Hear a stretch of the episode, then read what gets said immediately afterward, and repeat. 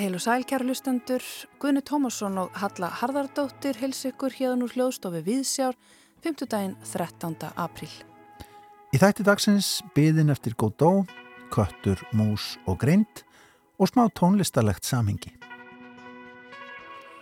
Sveitn Einarsson, leikstjóri, reytöfundur og fyrverandi leikústjóri var eitt fyrir að hefnu sem að fengið upplifa umbyltingu leikúsins í París um miðja síðustuöld. Leikhús fáranleikans hitti hann beint í hjartastað og verk Samuels Beckett's gáfi hans kynnslóð rödd sem að endtalar til okkar.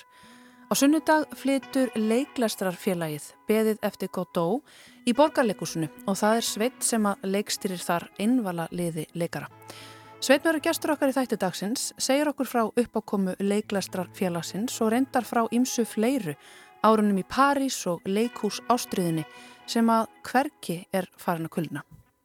Svo fáum við heimsbyggi vangaveltur frá Freyju Þórsdóttur sem í dag fjallar um tilneyingu mannsins til að gleima því sem að skiptir hann mestu máli og skoðar í því samhengi ólík hlutverk, greindar og visku. Við sögum kemur líka Kafka og Köttur og Mús. Já, en við ætlum að hefja þáttinn á því að tengja aðeins erlenda tónlist sem að bara góma hér í þættunum fyrirvíkunni við íslenska.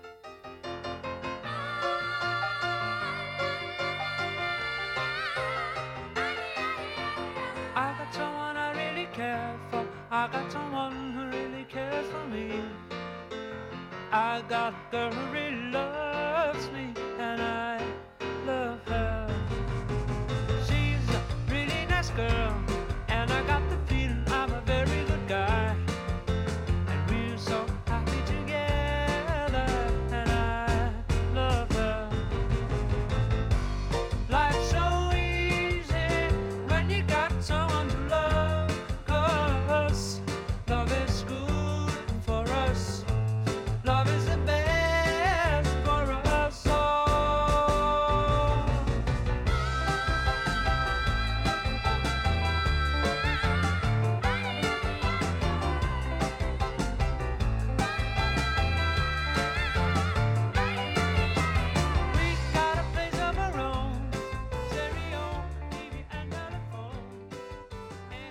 Víðsjá er umhugað um samhengi hlutana. Hér í þættinum á þriðjudag var nefnt nafn konu sem að heitir Sandy Denny. Hún var bresk þjóðlega söngkona á sinni tíð, merk tónlistakona, glataður snillingur eins og Teitur Magnússon fór í í pisti sínum á þriðjudag. Hlustandi út í bæ hafði samband og bendi Víðsjá á það að hann hefði fengið Sandy Denny eitt sinn í hljóðver út í Breitlandi. Við tökum upp síman og ringjum í viðkomandi. Á línunni er Magnús Kjartansson, tónlistamæður.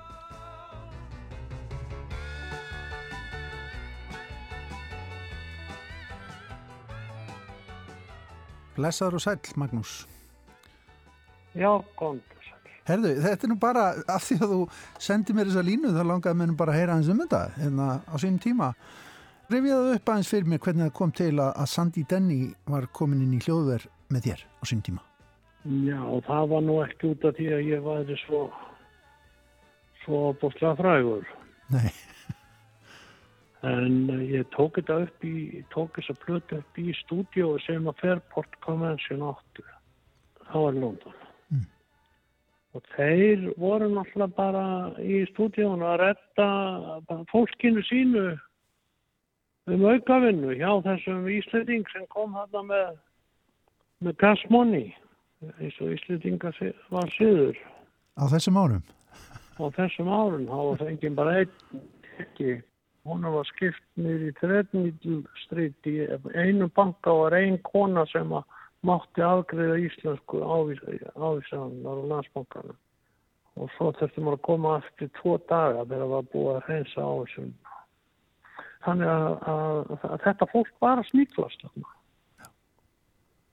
Við gengum okkur og, og hérna við bara fengum þess að það er ákveðt söngunum, Sandi og Lindu.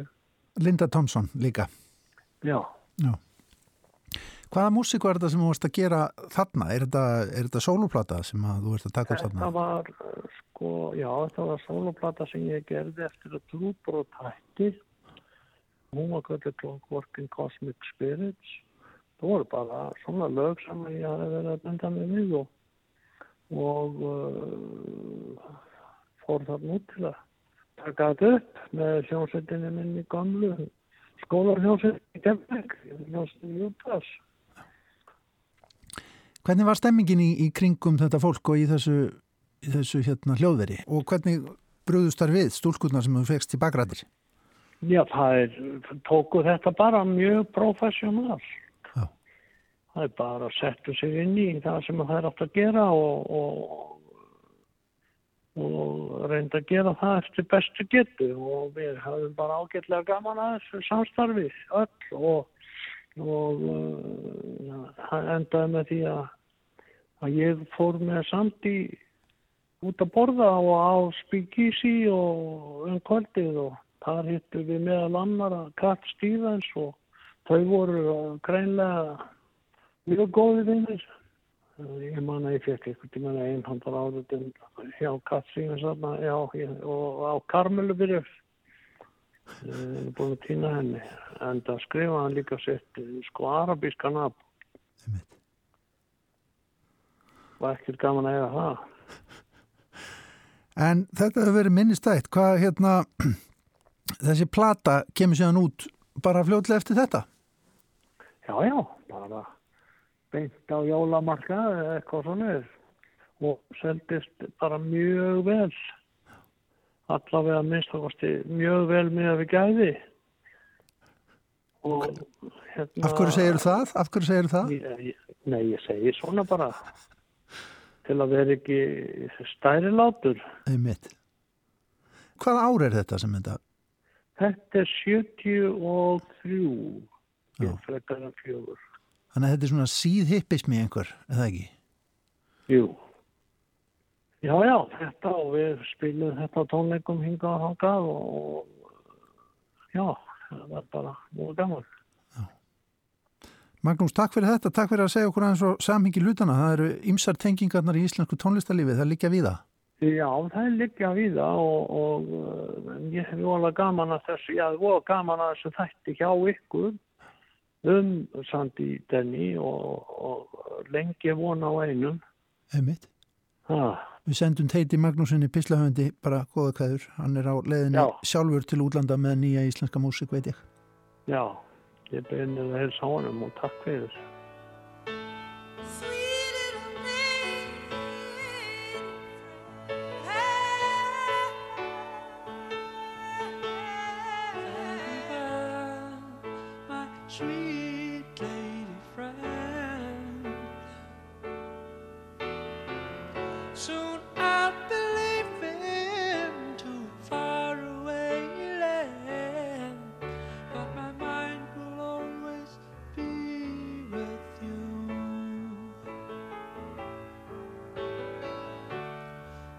all I can say.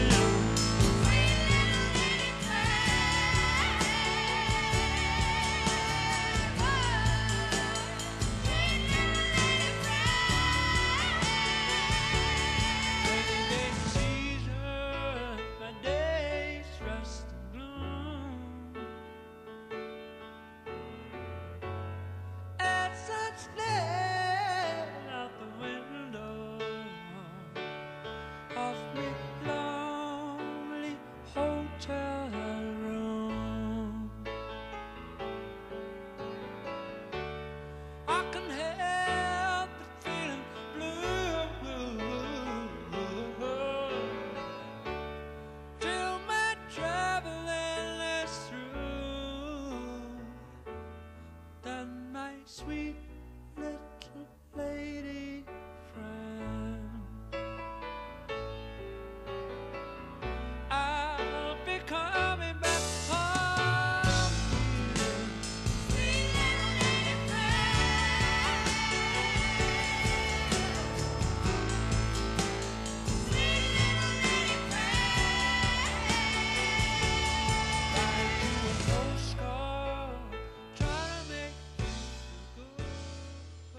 Magnús Kjartansson, hljómsveitin Júdas og bakrættasöngurnar Sandy Denny og Linda Thompson. Lægið Sweet Little Lady Friend af plötunni Clockworking Cosmic Spirit, soloplötu Magnúsar frá 1973. En þá ætlum við að huga að heimsbyggilegum vangaveltum Freyja Þorsdóttir talar í dag um tilnefingum hansins til að gleima því sem að skiptir hann mestu máli. Eitt af undarlegasta við því mannlega ástand er hversu auðvöldlega við getum glata tilfinningu fyrir því sem skiptir okkur mestu máli. Hversu auðvöldlega við sopnum á verðinum, byrjum að dotta og leifum því sem er þýðinga minna að stela tíma frá því sem er þýðinga meira. Skensamleg forgangsröðun og skýr ásetningur á það til að leiðast í sundur og verða losarlegu stafarugli innra með okkur með þeim afleiðingum að eitthvað eins og tóm leitað ánægu eða flótti frá sásveika geta tekið stjórnina og raunverulegt frelsi viljans tapast.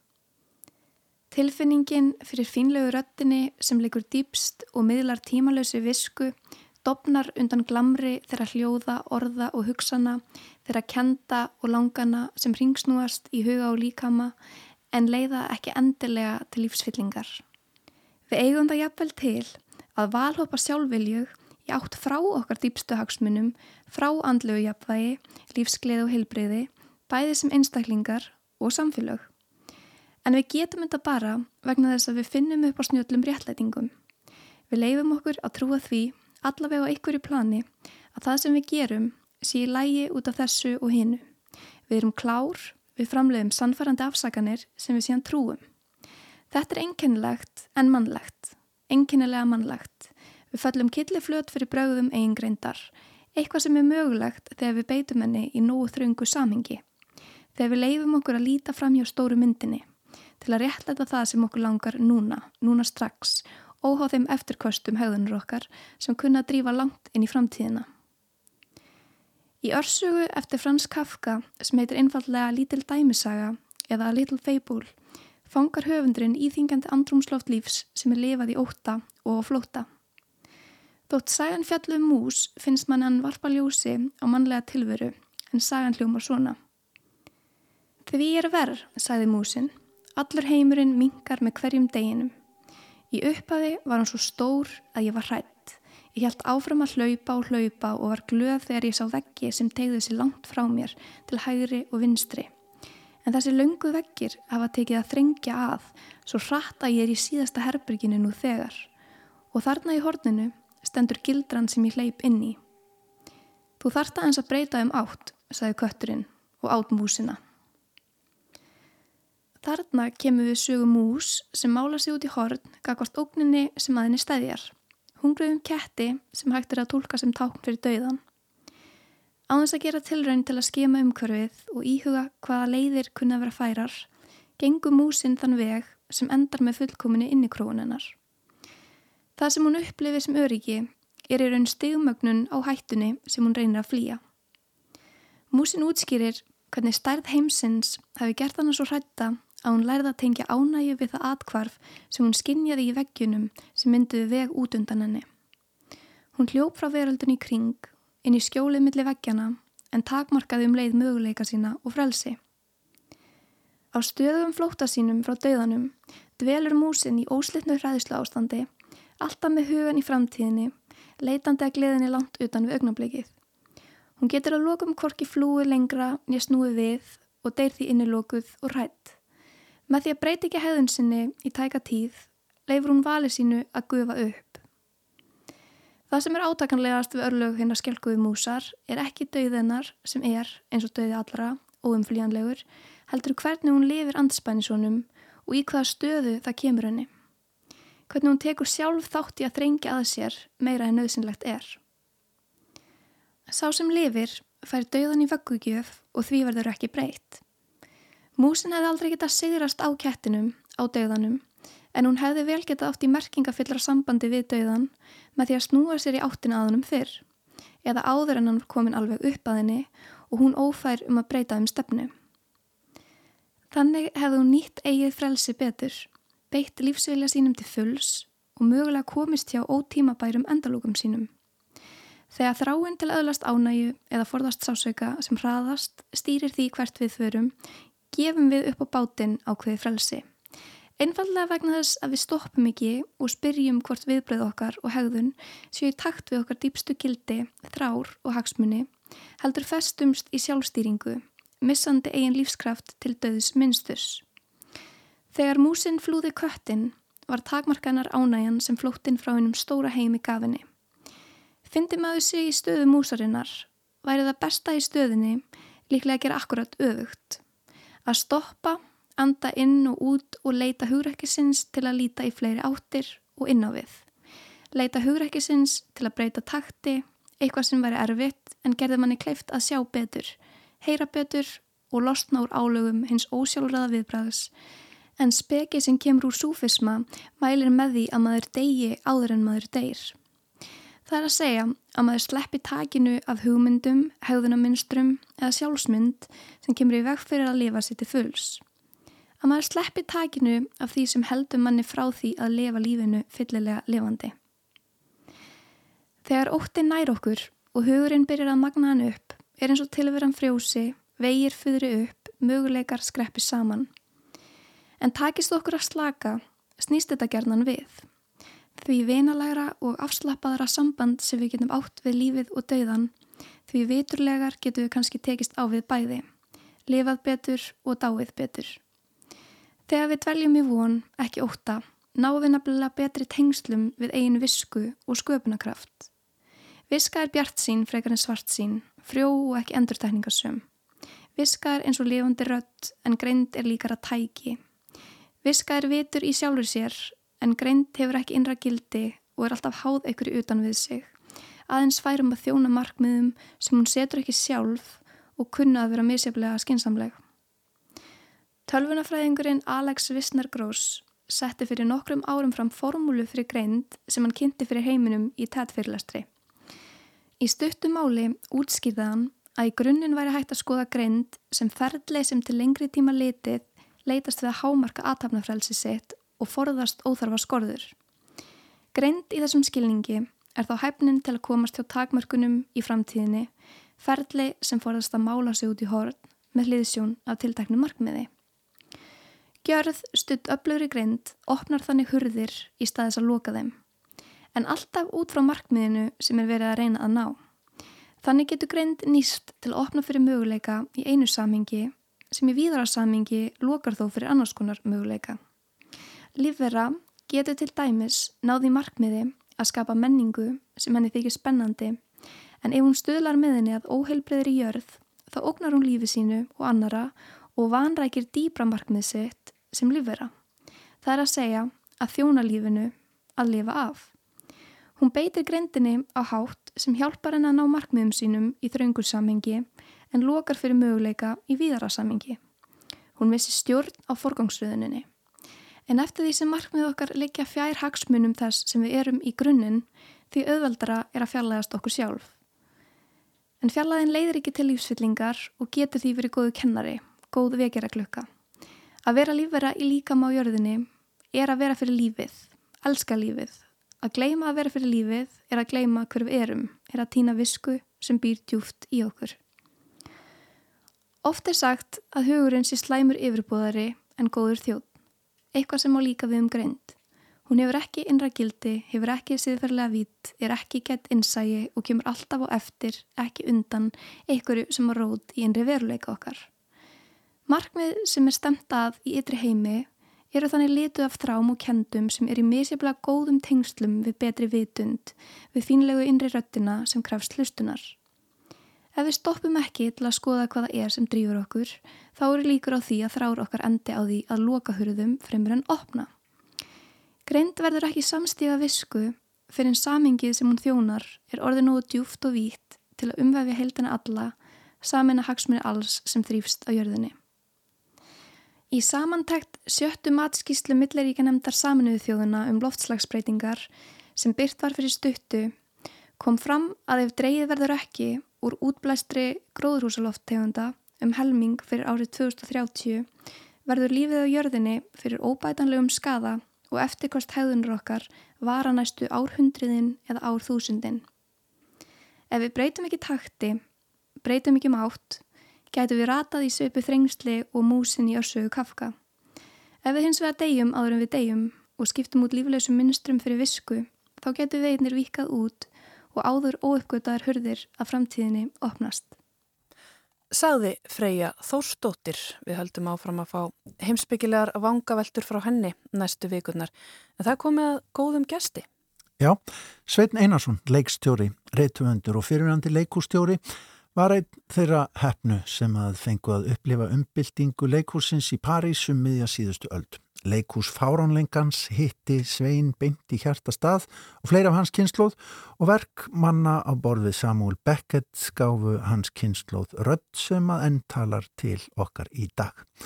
Á sunnudag flyttur leiklestrarfélagið beðið eftir Godot eftir Beckett í borgarleikúsinu eða það er að segja lesverkið og það er Svein sem að stýrir þar einvala liði leikara. Lesarar verða Sigurður Sigurjónsson, Þór Tólinius, Kristján Franklin Magnús, Karl Ágúst Úlsson og Þórun Magnea Magnúsdóttir.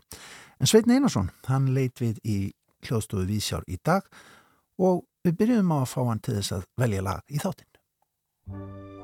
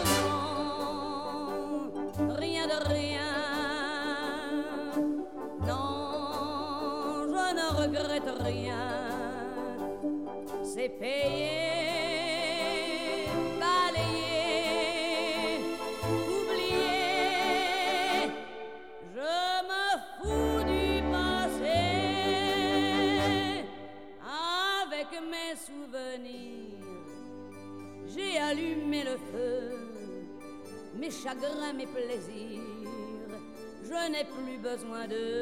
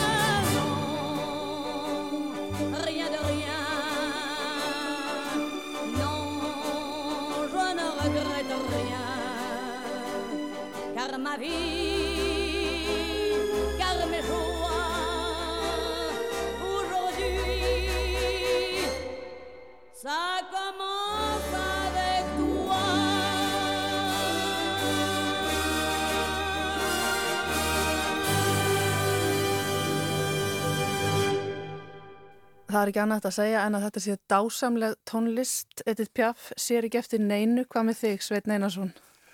Ég er nú ekki jafn ákveður með það, ég held að allir séu nú mennskir og svona, en eh, ég hef mikla mætur á þessu lagi. Hún kom úr stórum sjúdómi og eh, ég hafði hérna eiginlega ekki reiknað með hún liði lengur og þá hérna, þá uh, söng hún inn þetta lag og, og við í nýlendun í París í kamla daga, við fórum inn á veitingahúsin ekki til að fá okkur kaffi heldur til þess að hlusta á hana í hérna svona hljóðbóksi. Já, svona jukebox, gammaldags. Já, gammaldags, já, maður setti pönningin í og svo, svo kom hún. Ó, Nýlendan í París. Já. Þú er aðeins að segja okkur frá henni. Já, nei, bara ég var þar sem student í svolítinn tíma og Íslandikar halda nú gætnan hópin eins og við vitum. Franskan er ekki auðvelt máli eins og við vitum og uh, þannig að já, óskaplega góða minningar þaðan og við bundust mjög sterkum böndum eins og oft vil verða og þetta fólk er alltaf deyja núna fyrir ekki við ég segja það. Hver og fætur öðrum er að fara og, og þess vegna er ég eiginlega í París aldrei. Já. Hvenar varst í París? Hvenar, hvað árið? Ég, ég var orðin kandidat frá Svíþjóð og uh, hafði lesið þar bókmyndi, almenna bókmyndasög sem var ekki til hérna heima þá og leiklistasög sem var náttúrulega alls ekki til að þá og síðan heimsbyggi mér alltaf finnist það að vera svona grunnur. En svo fekk ég styrk til Fraklands og var búrsýtt í góðunum af Klansei hérna það var e, bara til eins árs. Ég var nú lengur reyndar og þar las ég samanbyrðabókmyndir og franska leikbókmyndir Hvenar ertu Nei, þarna? ég, ég fór til Pa- Parísar 58 til náms. Mhm. en ég var búin að koma þangað áður. Ég fór þangað, ég var með Parísar dellu og fór þangað uh, strax um vorið eftir fyrsta veturinn mín út í námi uh, 55 og þá kynntist ég fáranleika stefnunni það var svo skrítið. Uh, ég veit ekki hvort uh, sko þetta var algjörlega nýtt í, í hérna eftir fyrir, fyrirstyrjöldina kemur ekspressionismin. Og hann er svona aggressífur, hann er grimmur hann er, uh, hvað ég var að segja hann er, hann er æbandi öskrandi og, og fullur að sásauka og og uh, Pírandel og tekur upp hugsunum hver er ég, hvaða hlutverk er þetta hver er að senda mig í, í skotgræfur til dæmis, hvernig við erum búið til nýtt, nýtt samfélag? Allt öðruvísi andrúm eftir setni heimstyrjöldina þá kemur absurdismin fram sem mótsvar við í rauninni þá sem að reyndu að halda því sem var hefðin. Og, og þeir koma á móti með þennan undursamlega húmor sem er svo skrítinn og en þetta er spurningar sem eru jafn, eh, hérna, áleiknar í sjálfu sér þannig eru, eru það bara trúða við erum trúðar öll. Við erum leiksoppar í, í hérna veraldarinnar veldi gangi. Og, og hérna síðan eru þarna menn sem er að brjótast um völd tveir í, í leiklítinu en við erum flækingar. Og uh, það hefur stundum verið borið saman við við hérna Jobsbók sem er í rauninni eitt af helstu heimsbyggirítum segir mig dóttir mín sem er heimsbyggingur og, og hérna er pjallar um þessa spurninga þar er Guði aðalutverki e, og hann kemur, hann byrtist í skíi e, einhverja þetta vegna heitir þessi persóna sem að flækingarnir er að býða eftir Godot og það getur ekki verið tilviljun þeir vita að hann kemur ekki. Og það sem meira er En þeir eru samt von alltaf að hann komi. Ha? Þeir von alltaf að hann er að vona, þeir vona og, og sko eins og uh, trúaður maður hann fer með bænirnar en hann er ekkit við sem að fá svar. Og bænirnar hjá þeim þeir, þeir sko, þetta er ekki það er engi realism í þessu ekkert eh, verður ekki líking eða, eða neitt því um nýtt sko þá faraðu bara með þulu romsa upp úr sér. Og, og það er bara eins og bænir. Það, er til, það er til þess að, að róa sálina ef, ef maður er með ykkur á sál. Það er til þess að, að hérna, leita huggunar. Það er til að, að, að hérna, lifa af í rauninni og svo hafa þeir hvort annan. Það er það skrýtna. Og svo í viðbót þá eru þeir með rítúal. Eins og trúðar gera. Þeir taka hattana og, og byrja að vesenast með þá þannig að þetta leikrít varð pínulítið eins og eins og Ulysses hjá hérna eh, Joyce. hjá Joyce. Þetta verður svona þungamiðuleikrít í allri hérna skúvendir í rauninni í allri leikmenningu. Og síðan kemur kemur uh, Adamov og, Jónesko og allir þessir á eftir og til dæmis ef við lítum okkar eigin leikmenningu það eru flest þetta til dæmis þetta mikla uh, hérna á sjötta, sjö, sjöndu og áttunda áratögnum það var svo mikið blómaskeið þau eru allir undir áhrifum frá, frá þessu sko. En er það ekki galdurinn, þú veist, að það sem virkar eins og fáránleiki og er auðvitað kent við jú. þetta leikrit, að, að það er svona heil djúft til að til kemur þegar maður fer að lesa í það. Það er þetta er sko ekkert fáránlegt því Nei, miður. nei, það er ekkit fáránlegt á enda. Þetta er, jú, þetta er, er, þetta er óheirilega merkilegt leikrít og, og hérna margslungið og, og það er ekki ein, ein leið að því fremur þessum stóru verkum. Það eru margar leiðir og við, við lesum bara, þetta er leiklestrarfélagið og, og, samvinnu við borgarleikursið og reyndar amnesti við gefum bara auðran ef við fáum ykkur að amnesti við gera þetta svona. En, en e, maður hendir þessu ekki fram úr ermi. Nei. þetta er eitthvað sem að sko, þetta eru spurningar sem hver einasti maður neyðist eitthvað tíman á æfinni til að standa anspænis og ég er að lesa og það er skemmtilega bók núna eftir mann sem ég kynntist í UNESCO í Kanada sem heitir Ignatjev og hún er um uh, huggun.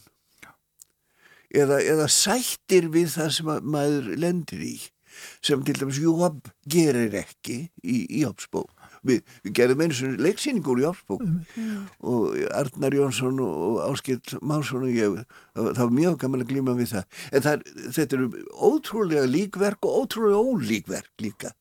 Og, og niðurstæðin allt önnur En er ekki einmitt líka snildin við þetta verk hvaða, hversu opið það er til tólkunar? Guðminn almáttur það, ég, ég, ég setti einu svona Hamlet og ég þorði ekki að gera fyrir en ég var orðin hvað 60 og svo leti ég Hamlet vera átján ára eða eitthvað nei, nei, grínlaust maður er ekki tilbúinn að takast á við verk það er ekki það, maður velur verkefnin eftir því hvað er að brjótast um í manni. Maður er alltaf með sögn í því sem maður er að gera á leiksviðinu. Og verður að vera með hana. og þarna í þessari þessu, það þarf ekki að vera samansögnin og, og, og, og fólk uh, uh, les margt úr hérna úr, úr verkum meira að segja, ég meina gamanleikur sem virðist og yfirbónu vera svona yfirbóslegur hann, hann er yðurlega með, með kannski sárbeitta sögn. Ég tala nú ekki um skopleiki sem er eitt af því sem ég held mest upp á, mjög skemmtilegt. En, en um, e, þetta leikrit það er sko, það er rykt minn í því. Við, við rjúfum algjörlega sko einhverja hérna hverstaslega uh, samtals uh, hérna þulur ég meina fólk kannski kemur til með að verða hissa á hvar við setjum þagnir í miðju orði. Þetta skiptir allt máli. Segð okkur aðeins frá þessu leiklestrarfélagi. Já, það er, eh, það er, við, það er nokkri einstaklingar, ég veld, við hefum síðan tíu eitthvað svo les, þetta er nú eh, lítið, og magn lítið fjallar svona fjárháslega, en við erum búin að lesa þetta aldrei mikið af, af verkum í bæði í Hannesórhaldi og, og eins í, í þjólkurskjallarunum. Um, það er engum að við höfum beint sjónum okkar að íslenskum verkum sem gerðu sig sko segja fyrir 40-50 árum að við tökum þau upp til, til endurnýjunar eða til nýskoðunar til þess að gefa þeim tækifægi aftur og kemur í ljósa mörg þeir eru bara lífanleg sko og við höfum verið með Guðmund Steinsson Söfu Jakobsdóttur Odd Björnsson, þetta er bara mjög, mjög gaman. Og mörgum þykir þetta form, þetta er náttúrulega e, allt annars konar. En mörgum þykir þetta form skemmtilegt. Það er svona vekur hugsanir. Nú og við í þetta sinn erum við samvinnu við ljúfa, ljúfri samvinnu við, við borgarleikursið. Þetta átt að koma upp í höst eftir tveggja ára svona með meðgöngtíma þetta var, hugmyndin kom frá Akureyri ég satt frá því áður. Eh, en, en hérna svo voru við leikursfólki að talast um þetta. Við ættum nú endilega drífa í að gera þetta. Og svo voru við lögða stað í, í, í hérna höst byrjuð að tauta. Og svo kom upp veikindi og við vorum ákveðin í því að landslíðu þarf að vera saman. Tilbúið, já. Já, svo við byðum og nú leggjum við í hann. Og það er algjör tilvíðin að það eru 60 ár akkurat núna á þessu ári frá því að ég gerði mína fyrsta uh, leikstjórnaverkefni og það var hér í. En við, en við skulum fara sko aðeins aftar í tíman Um, til 1953 og heyra í konu sem að fór á frumsýninguna Já. á beðusti Kótó. ég veit hver hún er. Og ég fer þarna á þessa sýningu. Og auðvitað þó ég hef verið búin að vera tvö ári eitthvað svo tvö, þrjú ári í Fraklandi þá skildi ég orðin. En ég skildi ekki orðin nóg djúft til að skilja innihaldið. En var samt svona gagtekinn mér fannst ég fatta þetta allt saman vita alveg um hvað þetta er og síðan kvísaðist það að eh, menn voru að ganga út vegna þess að þetta var ekki þetta var ekki svona staðbundið venjulegt leikrit heldur allt öðruvísi og það voru allt og margir sem að fannst er ekki hafa fónina meining út úr þessu. Svo ég fór aftur og það fór að kvísast að, menn, að það var til miðar af því að það var alltaf verið að afþakka miða. Men, menn vildi nefndi ekkert fara að sjá þetta, myndu hvort þeir ekki skilja þetta. En þetta var nú bara held í fyrstu mánuðina, þannig ég held að ég hef séð þetta leikrið þarna í París að minnstakost tvísvar, ef ekki þvísvar. Já, röddina þekkja auðvitað allir hlustendur ásar eitt, Viti Svimbóðdóttir, fyrirhandi fórseti lífelsins að lýsa þessu augnabliki að hafa farið og, og sjá, á, séð frumflutningin á þessu verki. E, sem að eiginlega er, er svona daldið, já, hvað maður segja, það er, það er daldið skipt um gýr þannig, það er kúplað í, í leiklistasögunni. Það var, það var hérna repstjóri austur í hodnafyrði, hann kallaði það að skiptum lag. Já, það var skipt um lag þarna.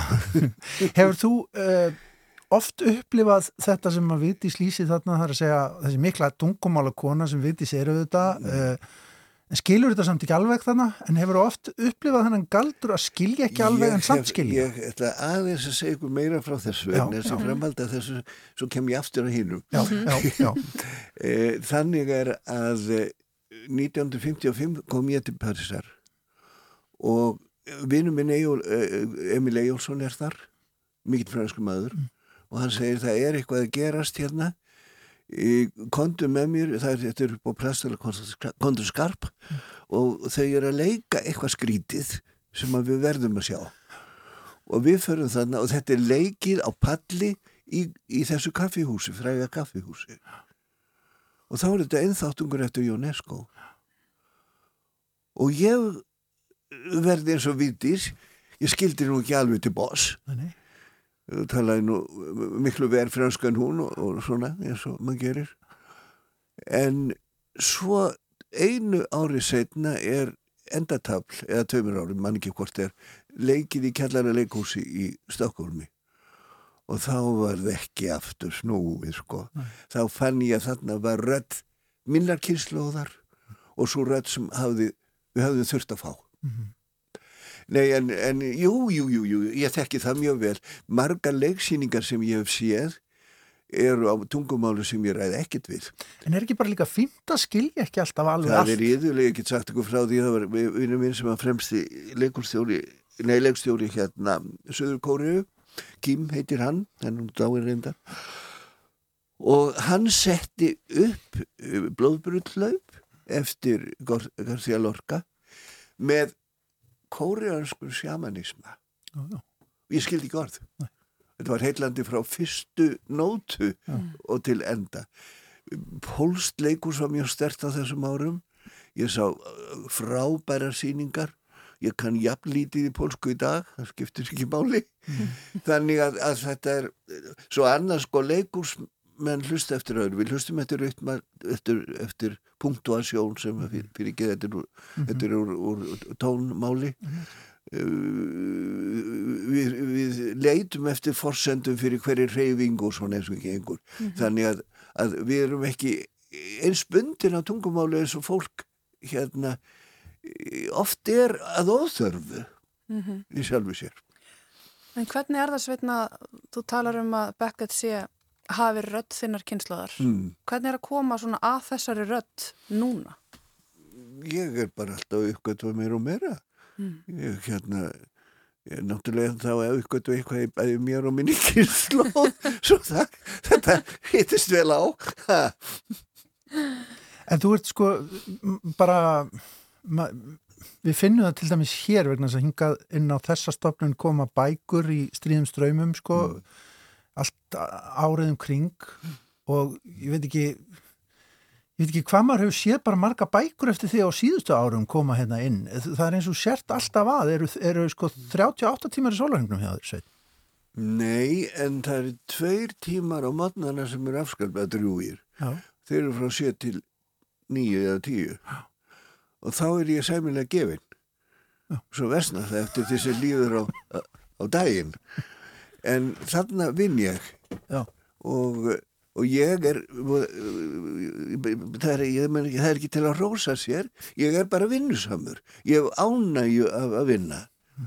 Það gefur mér einhverja gleði eða ég veit ekki hvað að segja. En þú ert líka komið einhverja á þér, það er ekki búin að skrifa svo mikið um íslenska leikússögu síðustu árum og þykkar jú, bækur um það. Menna Já, þú, þú ert einhvern veginn að, að þú ert að skila okkur skýslu eða ekki? Ég, ég er lukas af áður ég fer hérna eins og að pappi kallaði það til hann að Marju mínar. En ég veit nú ekkert hvort ég lendi þar. En, en hérna mm, sko ég, ég, ég er 27 ára gammal þegar ég verð leikúrstjóri. Einmitt. það þýðir það að ég hef ekki mikinn tíma til að skrifa og ég var eins og margir leikstjórar stend anspennist í á ég vera leikstjóri eða á ég að vera rítöndur og ég vel leiks, leikhúsi og ég er með ólæknandi leikbakteríu. Uh, ég er 20 ár leikúrstjóri samfelt og þegar ég kem út eins og ég kallaði það úr herþjónustinni þá hérna er uh, er ég ílega í spreng. Og þá byrja ég að skrifa og ég er svo heppin ég fæ vinnu sem er, er hérna haldt starf og mér gefst tími til blæði að setja upp sem ég uh, mér finnst óskaplega gaman svo ég segi alveg svo er og líka til þess að skrifa og þá kom annar svona valkástur ég var nú búin að ákveða ég ætlaði að vinna íslensku leikús fyrst og fremst en ekki að fara ég, hefði geta farið utan og, og svona eh, verið hjögumlega fræður eða eitthvað svo leys en, en hérna síðan er það spurning hvort ég á að vera fræðimaður eða hvort ég á að vera og ég man að Þorsteinn Nö spurði mig að þessu og, og hérna það var nú hann sem satt að segja drómi inn í fyrstu upp, hérna fyrsta viðfánsefni hérna. Ég sáðu nú ég hefði þýtt uh, Brenda Tómten eða Brunarúst eftir, eftir Strindberg og, og, og ég einhvern veginn álpaði þess út úr mér og þá sagði ég, já, viltu þá ekki bara reyna að setja þið upp þá sjáum við hvað þú dugar til. Og svo gerði ég það. En, en um, þarna eh, einhvern veginn hefur það álpast þannig að ég, ég hérna skrifa mest um leikús vegna þess að ég á mína reynslu þaðan. Og ég, það er ein bók núna að koma hjá bókmyndafélaginu hún er í, í hérna hvað heitir það, hún er í, í það búið að brjóta um. Mhm. Hún er komið það langt. Og, hún heitir Leikmentir og hún er daldið ég held hún sé svolítið djúb ég veit ekki. En ég, hún, er, hún er fjallar um innviði einnarleik e, síningar hvar maður dregur, þetta er svona eins og á sem flýtur og svo koma lækirnir og, og, og smá saman myndast þetta við ósinn.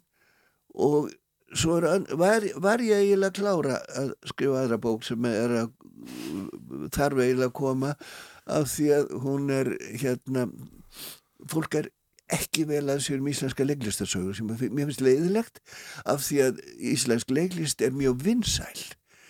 Meina við erum með mjög háar aðsóknartölur alveg ár eftir ár og, og le- fólk hefur ákálega gaman að fara í leikús og tala um leikús og svo framvegis þess vegna finnst mér leiðilegt ef að leikarar eða, listamenn uh, gleymast Já. og ég vil líka fá sko svona svolítið hérna einkenni að maður reyna að lýsa ákveðnum einkennum á ákveðnum tímabili eða ákveðnum listamönnum og svo framvegis svo lýsa þarna er, hún er nú ekki alveg tilbúin en hún er svona eiginlega komin, hún er 200 síður Já, það er ekkit annað.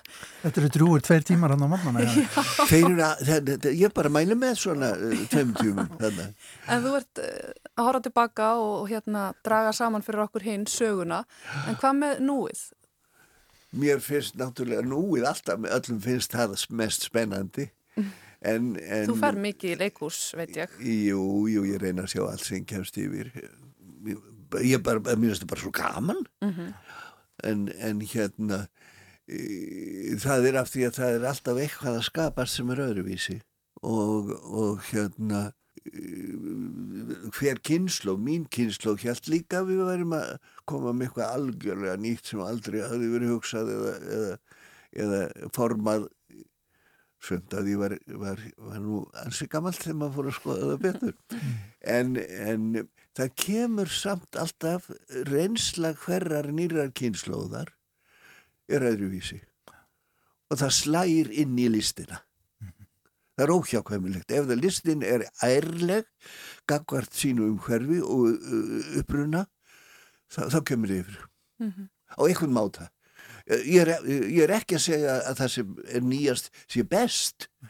Ég kann ekki að segja hvað er best. Ég veit ekki hvort það sem við höfum gert er betra heldur en uh, Rómverja í talningum Gríkir gerðu fyrir, fyrir 2500 árum. Þau gerum bara öðruvísi og við gerum öðruvísi. En finnst þér, við hafa á rödd uh, í dag, hver er rödd okkar kynnslóðar? Hvað hjálpi mér? Það er nú sko Hver er þessi sláttur við- Mín kynnslóð lifði kjarnarskru ána og hún mótaði okkur alveg óskaplega mikið. Um, núna stöndum við anspænis tveimur risastórum verkefnum. Annað gerfi greindin sem ég persónlega er hrættur við og hitt er, er upplýsingarsamfélagið sem er búin að svifta okkur hérna öllu, hvað ég var að segja, engalíu. Og Ofan á náttúruvána. ha, Ofan á náttúruvána. ofan á náttúruvána sem að sem betur fer yngsta fólki að fara að gera sig grein fyrir. Já. Mér finnst ég ekki að við skilum ekki nógu góðu búi. Einmitt. Við þurfum að skila góðu búi mm. og þú ætlar að eiginlega að, já, hvað að segja, halvvegs að loka ring á sunnudaginn með þessum leiklæstri eða ekki? Eða? Í, þetta er náttúrulega tilviljun. Þetta, þessi, sí, flutningur er ekkit mér til heiðurs en, Nei. þannig sé, en það bara hittir svo ná að það er akkurat 60 ár. Mm. Það er eitt leikrit annars sem við, höfum verið að spá í, í reyndar fleiri þarna í leiklistrar. Það, ég þýtti eh, síðasta leikrit hérna Ipsers sem heitir Norvið döð vógnar þegar við döð upp rísum og ég maður verður svona hugtekin á einhverju og ég held að, að maður er að lesa í það allt öðru sem hefur verið gert. Þetta leikrit hefur verið, hefur verið ítt upp í hillu. Ég held að þetta sé alveg stórspennandi innlegg í, í feminista baráttuna. Já. já, Þú ert greinlega með hugan við ýmislegt þó að, hérna, þó að þú sért uh, já, komin á fullonins aldur eins og Já, gengur, en ég það er víst til. Ekki- Já, það sést á göngulæginu Það er nóg, það er nóg til upp í kollinum. Við verðum eiginlega að spyrja það fyrst við erum hérna með þess veit hvort að þú hafir ekki ykkur svona góð ráð fyrir ungu kynslauna sem er að feta sig áfram í, í leikhúsinu núna. Þessi sem er að Ég- taka við búinu. ég- Mér finnst ef að unga kynnslóðin vill ráð þá eigi hún sjálf að spyrja og finna sína spurningar. Ég er til dæmis, mér stóð til búið að hafa ykkur, ykkur hérna áhrifa áfram eftir ég hætti í þjóðleikursinu. Það fannst mér fráleitt. E, þeir, þeir hérna sem taka við verða að fara, vera frjálsir en ef þið vilja leita ráða hjá mér þá skal ég reyna að svara því eftir bestu gett. Meira kemst ég ekki. Þannig að kynnslóðunar að hugsa þegar hérna, ný tekur við Já, sko, ég er náttúrulega, ég, ég harma það að menn skrifu ekki bref lengur. Já. Já, Ég held að það skiptir svo miklu máli að lesa gömul bref Já. og læra af því hvernig fólk hefur hugsað áður. Þá getur stækkað þessi eh, litla heilimanns. Einmitt. Spyrja spurninga, það er það er ágætis, sennilega, ágætis er það ekki bara ágætt ráð að spyrja spurninga? hérna, Sveitn Einarsson, við ætlum að fá að setja eitt lag á fónin hér að lokum og Hvað er lokalæðið? Að það er, að því við vorum að vera sennast í París, að þá hérna, uh, alltaf, þeir, þeir kalla það flanera, flani, og það er að ganga án þess að hafa ákveðið markmið. en að láta í rauninni e, það sem fyrir kemur það getur verið bara vindblástur eða einhvern manneska sem að vekur aðtikli manns eða eitthvað og uh, þá verður nýtt líf mm. Þetta er Ímóntan Þetta er Ímóntan sem syngur þetta Já, þessu lægi sem að minnar okkur á það hversu holdt það er að ráfa stundum um með allsengastefnu og ekki er verið að ráfið fyrir fram á einni af breyðgötum Parísar. Nei. Endum við þáttinn í dag og þökkum kærlega fyrir okkur. Já, verðum hér aftur eftir helgina á getur hlustendur á mánudag eins og venjulega klukkan 16.05 en bendum á að við sjáum á alltaf finna inn á spilara Rúf um að gera nota hann með öllu því fjölbreyta efni sem það er að finna. Takk fyrir okkur og verið sæl. Verið sæl.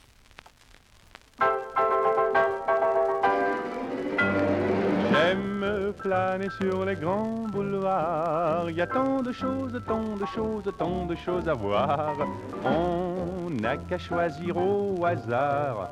On se fait des ampoules à zigzaguer parmi la foule. J'aime les baraques et les bazars, les étalages, les loteries et leurs camelots bavards qui vous débitent leurs bobards. Ça fait passer le temps et l'on oublie son cafard. Je ne suis pas riche à millions, je suis tourneur chez Citroën. Je peux pas me payer des distractions tous les jours de la semaine. Aussi, moi j'ai mes petites manies qui me font plaisir et ne coûtent rien. Ainsi, dès le travail fini, je file entre la porte Saint-Denis et le boulevard des Italiens. J'aime flâner sur les grands boulevards. Il y a tant de choses, tant de choses, tant de choses à voir. On y voit les grands jours d'espoir, des jours de colère qui font sortir le populaire. Là vibre le cœur de Paris, toujours ardent, parfois frondeur, avec ses chants, ses cris. Et de jolis moments d'histoire sont inscrits partout le long de nos grands boulevards.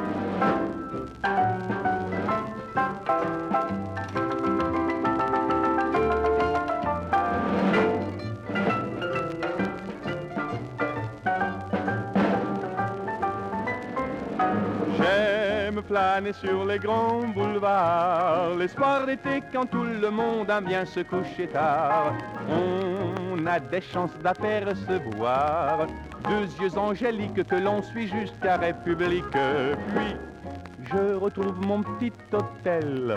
Ma chambre ou ma fenêtre donne sur un coin du ciel, d'où me parvient comme un appel toutes les rumeurs, toutes les lueurs du monde enchanteur des grands boulevards.